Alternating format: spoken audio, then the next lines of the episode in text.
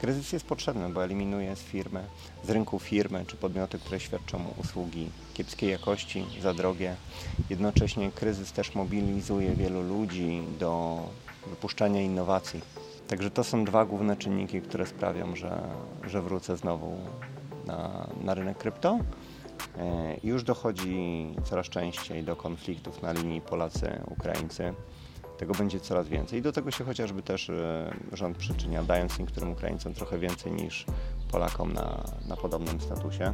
Gdyby chodziło po, o ekologię, to samochody przejeżdżałyby 2 miliony kilometrów i bardzo łatwo, niskim kosztem byłoby je, można je remontować. Jeżeli interesuje Cię biznes, przedsiębiorczość, pieniądze, zasubskrybuj nasz kanał i kliknij dzwoneczek. Partnerami przygód przedsiębiorców są IBCCS Tax, spółki zagraniczne, ochrona majątku, podatki międzynarodowe, SoFinanse, eksperci w dziedzinie finansów, Komarch ERP XT, fakturowanie, księgowość, sprzedaż w jednym programie online, Milky Ice. Tokenizujemy sprzedaż lodów w Dubaju i Abu Dhabi. Dołącz do nas i zostań tokenariuszem. YouTube dla biznesu. Wejdź na przygody.tv i zobacz, jak wiele mogłaby zyskać Twoja firma dzięki YouTube z naszą pomocą. Linki do partnerów znajdziecie w opisie filmu. Dzień dobry drodzy widzowie, Adrian Grzycki, Przygody Przedsiębiorców. Witam Was w kolejnym odcinku naszego programu, gdzie tym razem ponownie naszym gościem jest Trader21. Dzień dobry. Dzień dobry. Czarku, pytania od widzów, więc pozwól, że od razu przejdę do pierwszego. Czy uważasz, że zbliżamy się do końca podnoszenia stóp, czy to dopiero początek? Ani jedno, ani drugie. Początek już, e, już mamy za sobą. W wielu krajach rozwijających się znacząco podniesiono stopy, jak chociażby widać w Polsce, ale one ciągle są znacząco poniżej inflacji, co nie znaczy, że kiedykolwiek e, one dojdą do poziomu inflacji, ale wydaje mi się, że jeszcze przed nami kilka podwyżek stóp.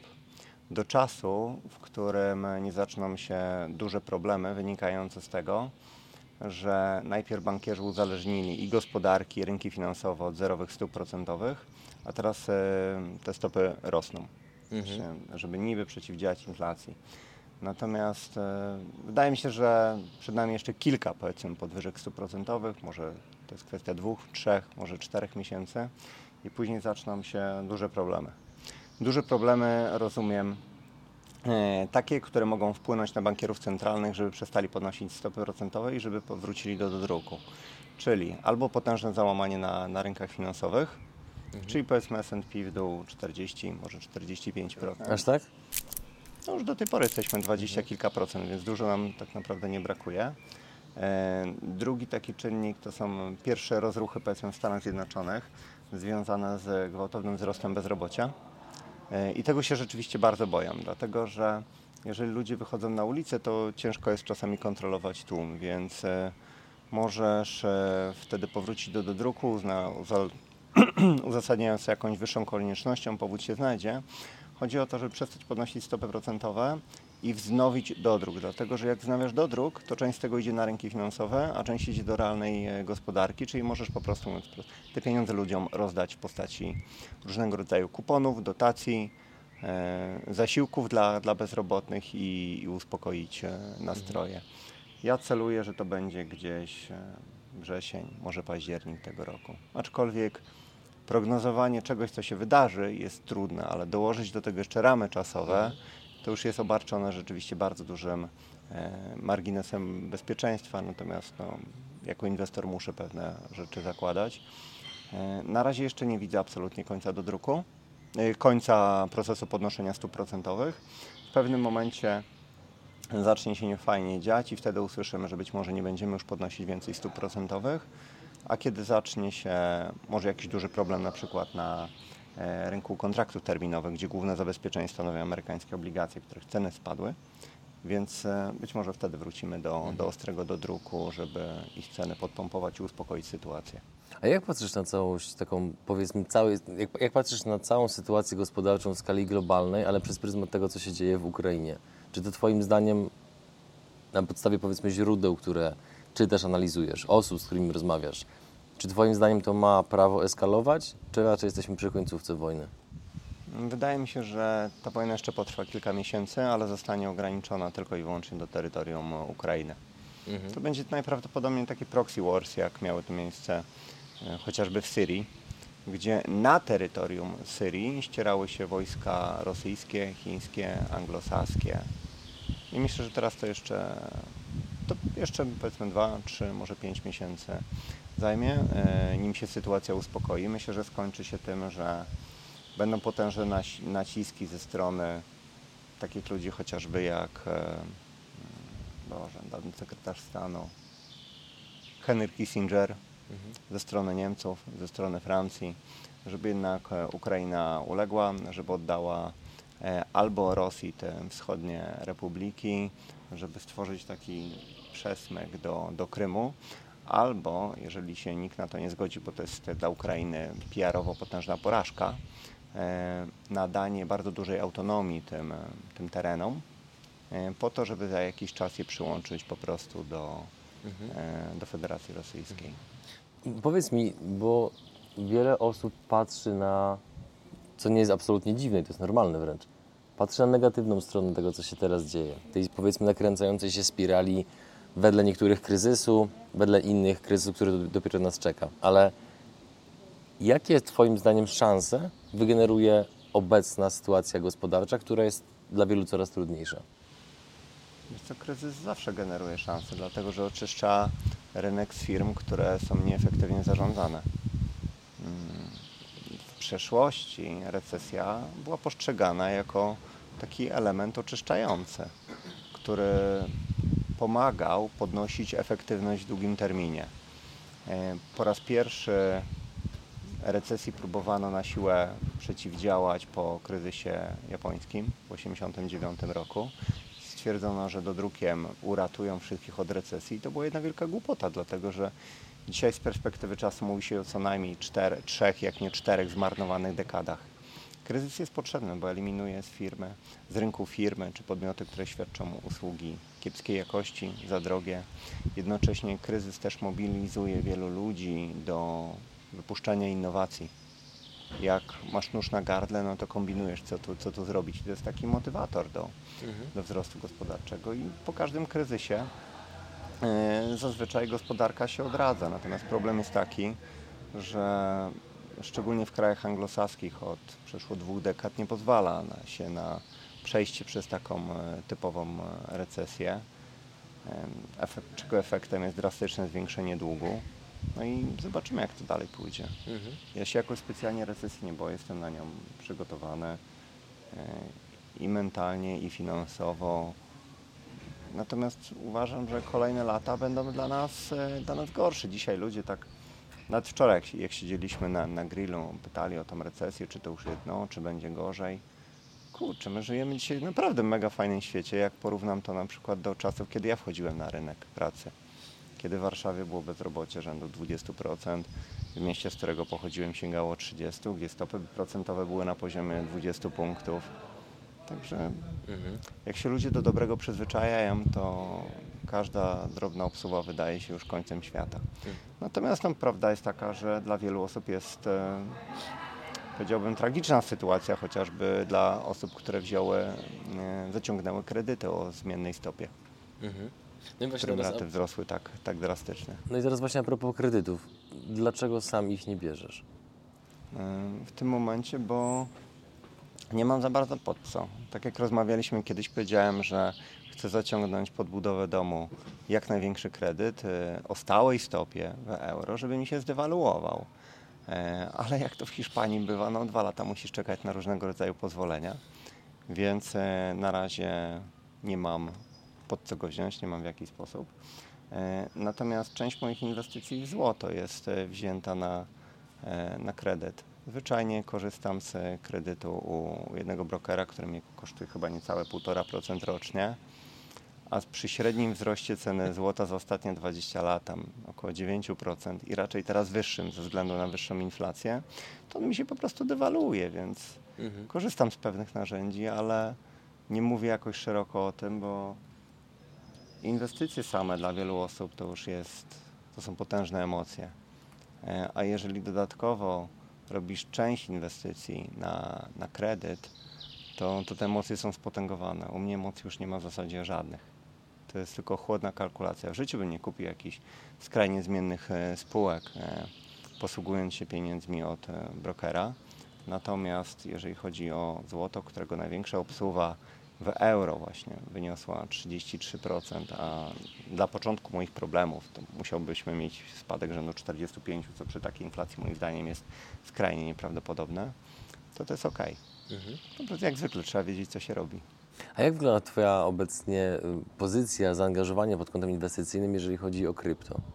Nie mam w ogóle krypto. Nic, a nic. Nic, to od kilku miesięcy. Wydaje mi się, że gdzieś w okolicy października sprzedaliśmy ostatnią jakąś pozycję, to były jakieś drobizny już, e, chyba Ethereum i, i Atomu. Ja bardzo dużo kryptą pozbywałem się jeszcze w 2021 roku, kiedy mieliśmy ten skrajny optymizm na przełomie kwietnia, maja. Nawet jeszcze u Wenusa nagrywaliśmy coś z Słuszkiem. Em, Pamiętam, byłem mega, mega już wtedy ostrożnie e, nastawiony do krypto, bo, bo znowu cała ulica wchodziła. Później przyszło wielkie załamanie, po jakimś czasie odbicie i troszeczkę przebiliśmy te szczyty, ale, ale niedużo. Teraz jestem całkowicie poza rynkiem i myślę, że na rynek krypto y, inaczej. Jestem pewny, że wrócę. Pewnie między 5 a może 10% mojego kapitału tam, e, tam ulokuję, ale to jeszcze nie ten moment. A kiedy będzie ten moment? Mm.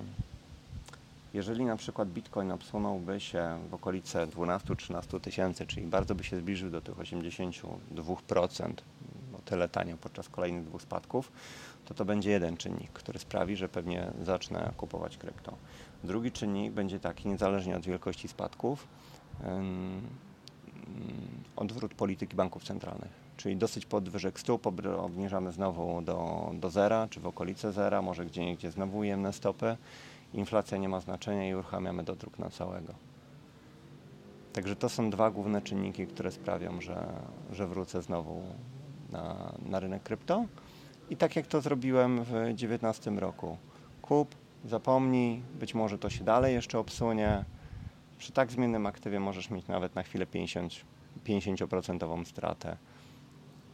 Ja pamiętam jak kupowałem pierwszy raz po 150 e, dolarów Ethereum, co z perspektywy czasu okazało się genialną inwestycją, e, ale na chwilę jeszcze cena spadła do 80. I to pokazuje, o jak zmiennym rynku rozmawiam. Jak masz stalowe nerwy i wiesz co robisz, to to, to jest ok, ale dla wielu osób rynek krypto potrafi być zabójczy. Tutaj na przykład Luna jest świetnym przykładem, gdzie było wiele osób, które mimo, że cena Luny wzrosła tam chyba z 3 czy 4 do setki, nie realizowało zysków. Wciąż było mało. Było mało, ciągle mało, ciągle mało, a później nagle spada w okolice zera. Czy ja, czy Kamil Jarząbek, czy Phil, każdy z nas wychodził z krypto systematycznie. Ludzie się ze mnie śmiali, jak pierwszy raz wyprzedawałem pierwszy pakiet Ethereum mały po, po 600 dolarów. Tylko, że to był zakup ze 150. To już masz zrobiony kapitał e, razy 4 e, i to był dopiero pierwsza wyprzedaż. Później więcej, więcej, więcej, więcej. Im to po prostu więcej rosło, tym więcej tego wyprzedawałem. Właśnie pamiętam w kwietniu 2021 roku miałem 17% ulokowane krypto pierwotnie z pięciu, które, które włożyłem. E, Po prostu rosło to szybciej niż wyprzedawałem. Mm, Ale dzisiaj czy od kilku miesięcy nie mam w ogóle krypto i bardzo się z tego powodu cieszę. Cieszysz, bo jesteś spokojniejszy, czy cieszysz w jakiej kategorii? E, Cieszę się, dlatego że już bardzo mocno tąpnęło e, i jeszcze musi trochę tąpnąć do momentu, żebym znowu wszedł na rynek. Półtora miesiąca temu nawet nagrałem taki filmik, co dalej z krypto. Nie z punktu widzenia jakiegoś specjalisty od rynku krypto, tylko z punktu widzenia osoby, która ogarnia ten temat dosyć szeroko, z punktu widzenia psychologii, e, analogii do wcześniejszych HOS, z punktu widzenia tego, co robią banki centralne. Kiedy to nagrywałem, no to Ethereum było mniej więcej po 2000. Niedawno spadło do 900, więc jeszcze trochę. Idąc dalej, czy uważasz, że pol- Polska prowadzi właściwą politykę zagraniczną wobec Ukrainy i Rosji? Mam na myśli przyjmowanie imigrantów, radykalny sprzeciw wobec polityki Putina, bezpośrednią pomoc militarną dla Ukrainy. Odpowiednia polityka to jest nie zawieraj sojuszy z nikim i handluj z każdym. Taką politykę prowadzą kraje małe, które bardzo szybko się, się rozwijają, które nie uczą ludzi moralności, tylko po prostu starają się budować długotrwałe relacje handlowe, bo to najbardziej zapewnia ci spokój i dobrobyt e, Twoich ludzi. Czy to jest dobre? Z mojego punktu widzenia tak, bo podnosi to standard e, życia ludzi. Ktoś może się ze mną nie zgodzić w tym momencie, zwłaszcza osoby, które są przyzwyczajone do oglądania telewizji non-stop, bo, bo boją się wariata za wschodnią granicą. Natomiast e, my od lat prowadziliśmy szkodliwą dla Polski e, politykę w stosunku do Rosji. Machamy szabelką, abyśmy byli tak naprawdę przy poważnym konflikcie dosyć szybko zmieceni. Odcinaliśmy się, ucinaliśmy łeb dosłownie polskim przedsiębiorcom, którzy handlowali z Rosją. Mm, Ci sami przedsiębiorcy, którzy kiedyś wysyłali swoje produkty do Rosji, musieli drastycznie obniżyć marże i znajdować sobie pośredników, jak chociażby Turcja, którzy odbierali nasze produkty i, i sprzedawali je do Rosji. I tak samo jest dzisiaj. Nie kupujemy gazu od Rosji, ale kupujemy gaz rosyjski od, e, od różnych pośredników. I tak naprawdę jedynym pokrzywdzonym na tym jest, e, jest polskie społeczeństwo. Więc moim zdaniem takie jednostronne opowiadanie się po, po jednej stronie jest, jest złe, ale to jest tylko moja decyzja. Ale no, siedzimy w strukturach NATO, które okrąża Rosję od wielu lat. Jesteśmy e, marionetkowym państwem dla Unii Europejskiej, Brukseli, więc mamy stamtąd wytyczne. Więc poruszamy się w jakichś takich ramach, w jakich się możemy poruszać. Natomiast jeżeli chodzi o kwestię Ukrainy, to znowu temat taki drażliwy, bo bardzo fajnie Polacy pokazali taką solidarność z narodem ukraińskim na początku. Przyjęliśmy mnóstwo tych Ukraińców, natomiast to już powoduje konflikty. Oni są zbliżeni do nas kulturowo, ale to jest, powiedziałbym, trochę nie ten poziom jeszcze. E, Już dochodzi coraz częściej do konfliktów na linii Polacy-Ukraińcy. Tego będzie coraz więcej. I do tego się chociażby też e, rząd przyczynia, dając niektórym Ukraińcom trochę więcej niż Polakom na, na podobnym statusie. E, I przede wszystkim nic nie mamy za to.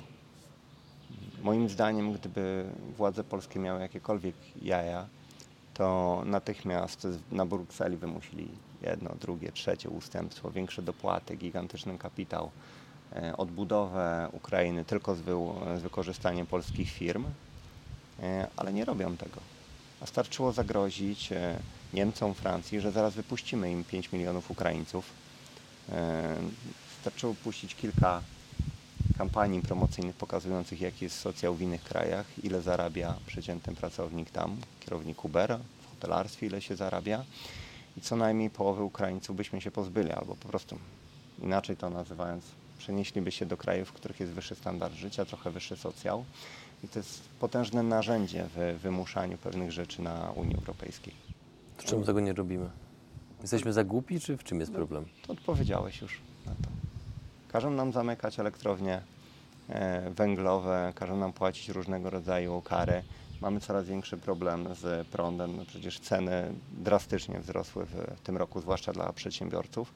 A skoro wzrosły dla przedsiębiorców, to przełożą się na, na ceny produktów za moment, czyli inflacja będzie jeszcze wyższa, mimo że już jest najwyższa od 20 paru lat. A mimo wszystko politycy nie potrafią wykorzystać takiego narzędzia, jakie, jakie dostali bo może ktoś im coś obiecał, być może ktoś na nich e, zbyt mocno naciska, żeby tego nie robili, albo są zbyt głupi na to. Chcesz spotkać się z gośćmi wywiadów na żywo, w realu? To możliwe. Wpadaj na eventy przygód przedsiębiorców. U nas nie ma sztampy i byle jakości. Są za to mega atrakcje, przemyślany networking, ogrom wiedzy i skuteczni przedsiębiorcy. Wejdź na stronę przygody TV slash kalendarium i sprawdź, gdzie wylądujemy następnym razem. Pozostając w temacie polityki, czy obstawiasz, że PiS może wygrać kolejne wybory?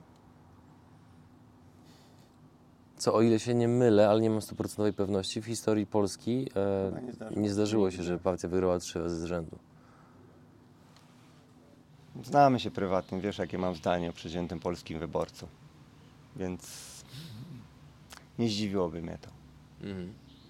Dajmy ludziom dwunastkę, trzynastkę, czternastkę, przepraszam, trzynastkę, czternastkę, obiecajmy różne rzeczy przed wyborami i, i kto wie. Przecież w innym inflacji jest e, Putin. Putin z Tuskiem. Tak, przerabiałem to ostatnio. E, idąc A, a dalej. prezes tak, NBP-u został mianowany na kolejną kadencję. Ten sam prezes NBP-u, który nie widział groźby inflacji dwa lata temu, później gdy się pojawiła, stwierdził, że będzie przejściowa, a teraz dopiero do niego dociera.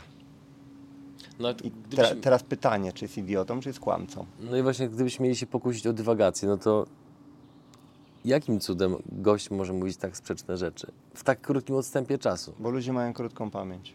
I on ma tego świadomość. Oczywiście, że tak. Prezesów NBP-u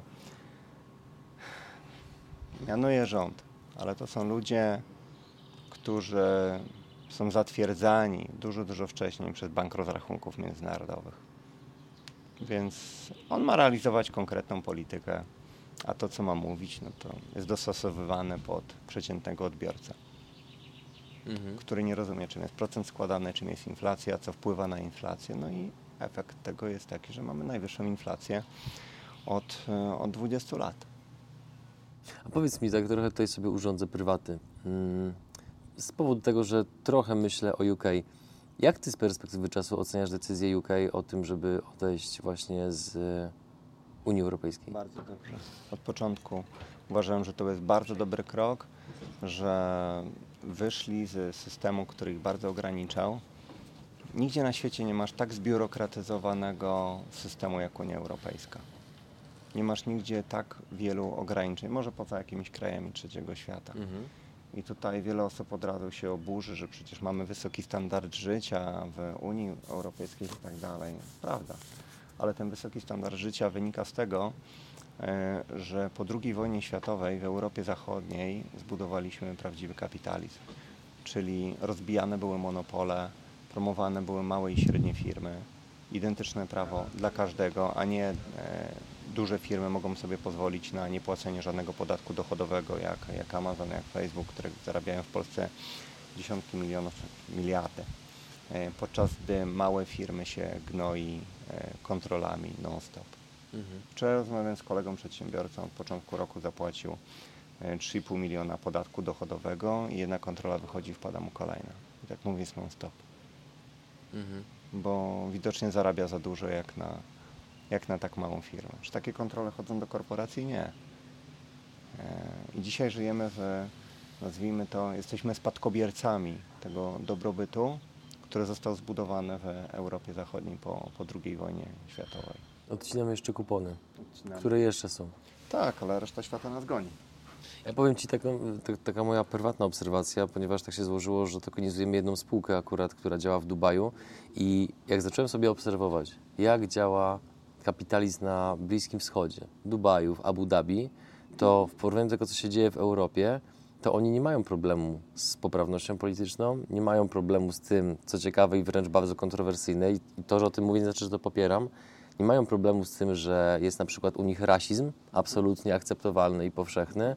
Nie mają problemu z tym, że współcześni niewolnicy budują te miasta. I oczywiście to są straszne rzeczy, ale jak sobie porównasz poziom, akurat tutaj mówię w kontekście Bliskiego Wschodu, jaki jest poziom, nazwijmy to, agresywności kapitalizmu w tamtym regionie versus Europa, która mam wrażenie stała się taka bardzo taka wymuskana, taka, taka no dokładnie, jakby na, na wszystko musisz uważać, na jak, jakich słów używasz, czy ktoś ma płeć taką, czy inną, to powiem Ci, że długofalowo ja nie widzę przynajmniej na razie scenariusza, w którym Europa wygrywa gospodarczo w skali świata. kwestia, jak szybko Europa spadnie z, nazwijmy to, tego poziomu kraju, który kolonizował inne świata, do poziomu, w którym kapitał z zewnątrz będzie kolonizował nas.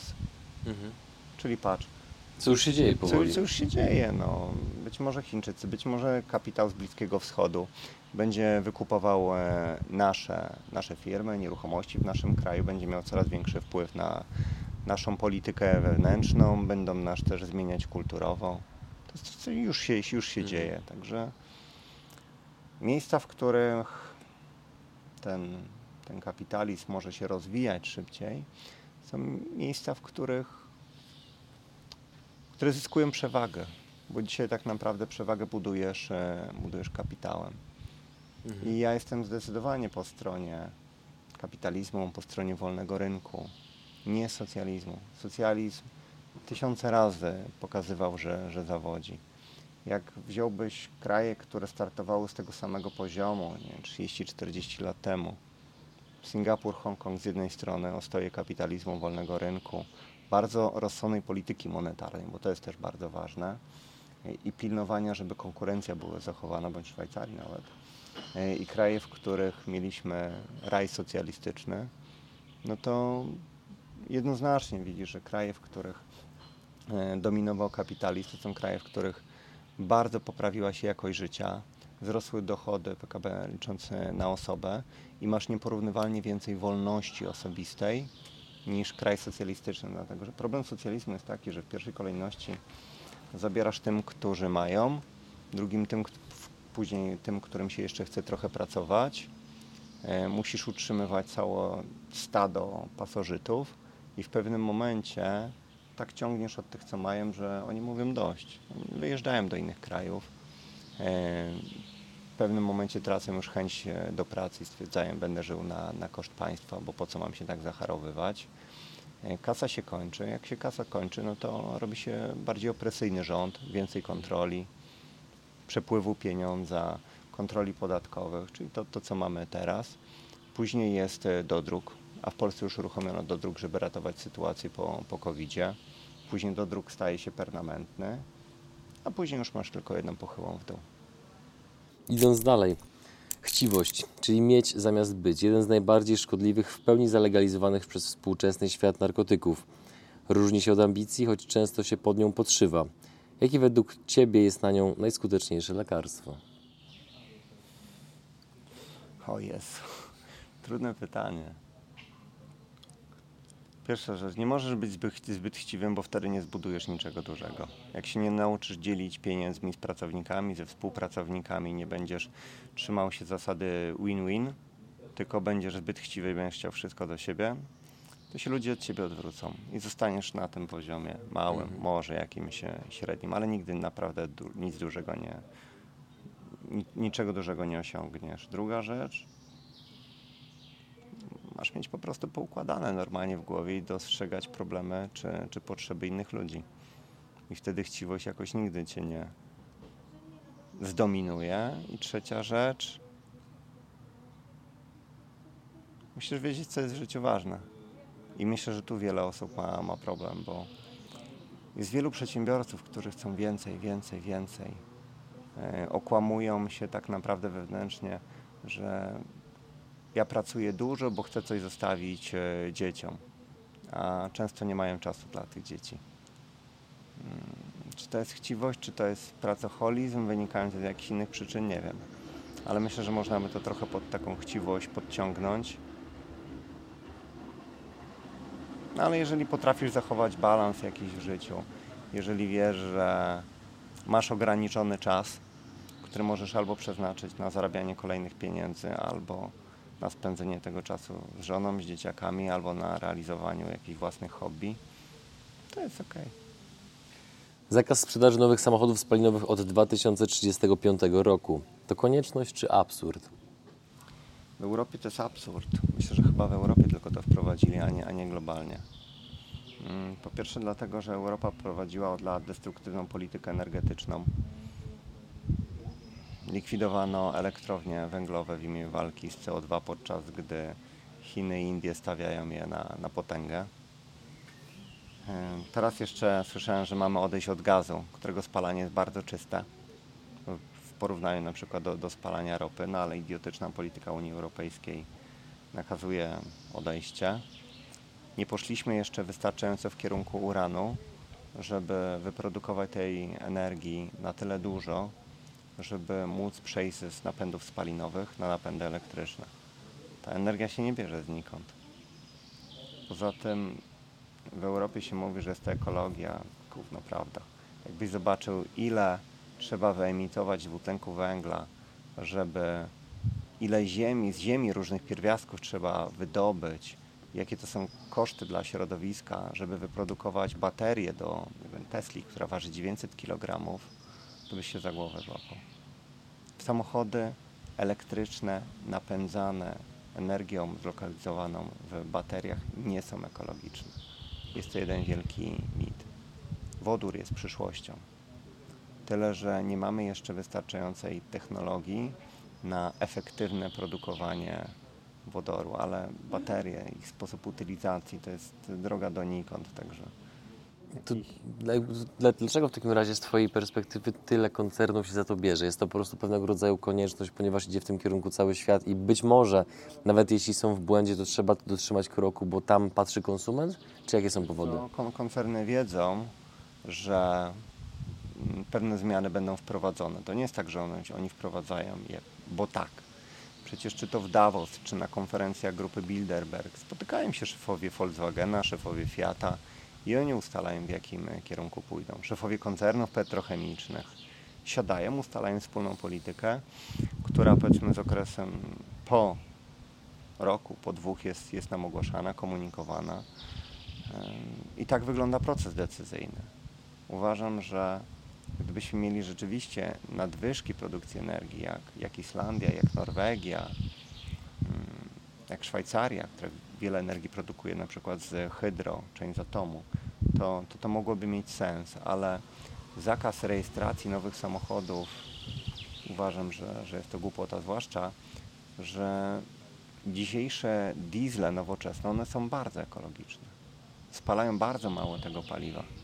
I jeżeli weźmiesz pod uwagę cały proces od produkcji samochodu do jego utylizacji, to bilans netto jest po stronie ciągle samochodów spalinowych. Poza tym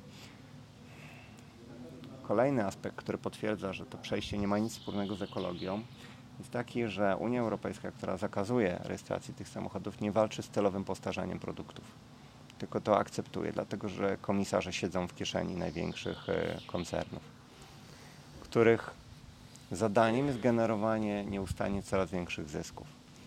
Przecież w latach 80. mieliśmy Mercedesy, które potrafiły przejechać milion kilometrów i się nie psuły które do dzisiaj jeżdżą w Egipcie. Toyoty z lat 80. były niezniszczalne.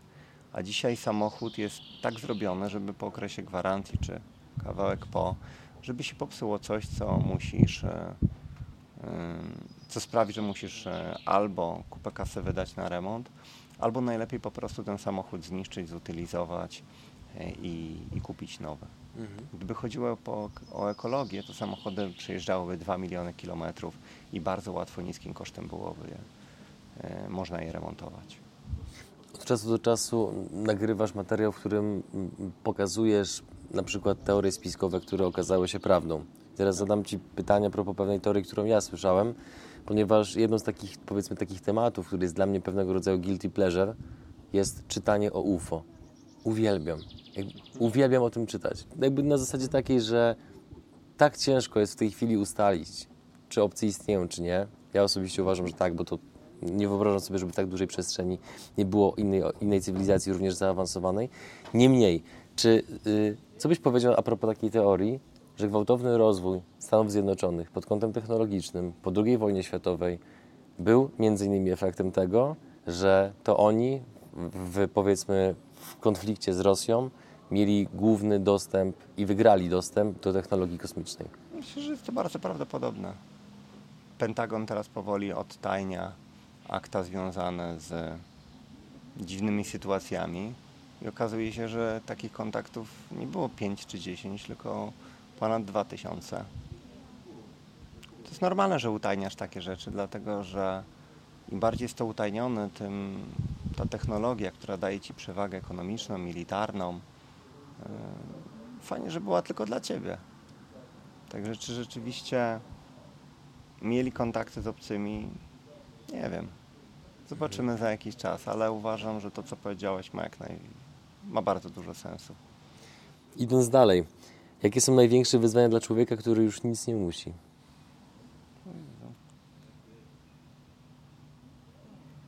Utrzymać zdrowie na takim poziomie, na jakim jest dzisiaj przez kolejne 60 lat. A mentalnie? Mentalnie cały czas się staram rozwijać. U Grześka Kusza oglądałem taki wywiad z Kasią Szewczyk, Prawo Rezonansu, przeczytałem tą książkę. Nie było to nic nowego, tam tak naprawdę te wszystkie rzeczy ja stosuję od lat, bo pewne rzeczy działają, ale teraz ją studiuję po raz kolejny. I przypuszczam, że jak już tą książkę zakończę, to wpadnie mi w ręce kolejna ciekawa, gdzie będę mógł się dalej rozwijać. Idąc dalej, pytanie może trochę naiwne, ale nurtujące miliony Polaków. Kiedy ceny paliw zaczną spadać? I czy zaczną? Niespecjalnie widzę taką możliwość. Na krótki czas tak. Dlatego, że jeżeli dojdzie do tej paniki, o której rozmawialiśmy wcześniej, to jest bardzo prawdopodobne, że bardzo mocno spadnie cena ropy. Przy jednoczesnym wzroście e, kursu dolara, ale wydaje mi się, że spadek ceny ropy będzie dużo, dużo większy w ujęciu procentowym niż, e, niż wzrost dolara, w której ostatecznie kupujemy tą ropę. E, I to się przełoży na jakiś czas na, na spadki ceny, ceny ropy. Ale ludzie zapomnieli, że surowce w zasadzie wszystkie taniały między 2011 a 2016 rokiem. Później powoli sobie tam, tam rosły, ale to były powolne wzrosty. Na przykład między chyba 12 a 15 rokiem cena średnia ropy to było 100 dolarów za baryłkę, czyli tyle ile mamy dzisiaj. Po prostu kurs dolara jest trochę wyższy. W międzyczasie korzystając z niskich cen ropy politycy nam wpakowali e, kolejne paczki akcyzy. Przecież w tych 8 zł, które płacimy za, za paliwo, połowa to, to, jest, e, to są podatki, akcyza VAT, jakieś inne jeszcze opłaty, a połowa to są tak naprawdę koszty, koszty paliwa. I o tym chyba ludzie zapomnieli już. E, W każdym razie na chwilę spodziewam się, że cena ropy może spaść w okolicy może 50 dolarów za baryłkę, po czym zostanie znowu uruchomiony dodruk, tak samo jak miało to miejsce e, po, po panice covidowej E, i ta cena ropy znajdzie się wyżej jeszcze niż, niż, niż dzisiaj. Z jaką myślą nas zostawisz? Jakąś pozytywną prosimy. Jestem bardzo pozytywny. Nie no, absolutnie, nikt tego nie kwestionuje. Zna, zna, znasz mnie prywatnie. Kurczę, nie wiem, co ci powiedzieć. Co, ludzie się tak naprawdę obawiają. Tutaj jakiś kryzys, tutaj podwyżka stóp procentowych, tutaj jakiś tam problem na rynkach finansowych. Jak się edukujesz, to jesteś przygotowany na to. Ja na przykład do osób kopiujących moje ruchy wysłałem w listopadzie. Już takie ostrzeżenie, szykuje się nieka, nieciekawa zima. Marcin ode mnie z teamu to, to wyłapał, poskładał to pięknie. I czarno na białym widzieliśmy, że to będzie bardzo ciężki rok do zarabiania. Powiedziałem wprost, to jest rok na przetrwanie, rok na przetrzymanie kasy, a czas na inwestycje będzie po, po spadkach i wtedy będzie mnóstwo, mnóstwo fajnych okazji. Jeżeli umiesz czytywać pewne rzeczy, rozumiesz pewne rzeczy, a zrozumienie wynika z tego, że ileś czasu spędziłeś na jakichś analizach, przeczytałeś dziesiątki, set, setki książek, różnych publikacji, to to nie jest trudne. Jeżeli nie masz kredytów o, o zmiennej stopie procentowej, to, to też jest ok. Przecież ja za dwa lata przed pierwszą podwyżką trąbiłem, że nie brać kredytów o zmiennej stopie, jeżeli już to tylko stałą. No to w komentarzach się pojawiały e, wpisy tylko tak łatwo ci mówić, a stałych stop to nie ma, jeżeli już to na 5% tylko. Tylko mój księgowy jakoś potrafił wziąć na te 5 lat i ma jeszcze, nie wiem, 4 lata spokoju. Podczas gdy inni muszą płacić już dwukrotnie wyższe raty. Za 4 lata będzie się martwił. A być może będzie taki okres, że właśnie podczas jakiejś paniki znowu stopę procentową obniżą do zera i sobie na przykład zrestrukturyzuje kredyt, czyli przeniesie go do innego banku, zostanie mu 2 lata stałych stóp niskich, tam na poziomie 2,5%, i korzystając znowu z dobrego momentu, zaciągnie kolejny kredyt na kolejne 15 lat, z którego spłaci stary i będzie miał kolejne 5 lat e, niskich stóp procentowych. No, trzeba myśleć zawczasu, a nie mieć e, życzeniowe takie podejście do życia. Tak samo jest ze zdrowiem. Ja robię dużo, żeby pozostać zdrowym. Ja nie chodzę do lekarza, bo, bo jestem chory. Ja praktycznie nie Profilaktyka. choruję. Profilaktyka. I wtedy nie przejmujesz się też zdrowiem i masz, masz czas na wszystko. Drodzy widzowie, dziękujemy Wam za Wasz czas. Widzimy się w kolejnym odcinku. Tarek, dzięki za ciekawą rozmowę jak Dzięki. zwykle. Sama Dzięki. przyjemność. Dziękuję bardzo.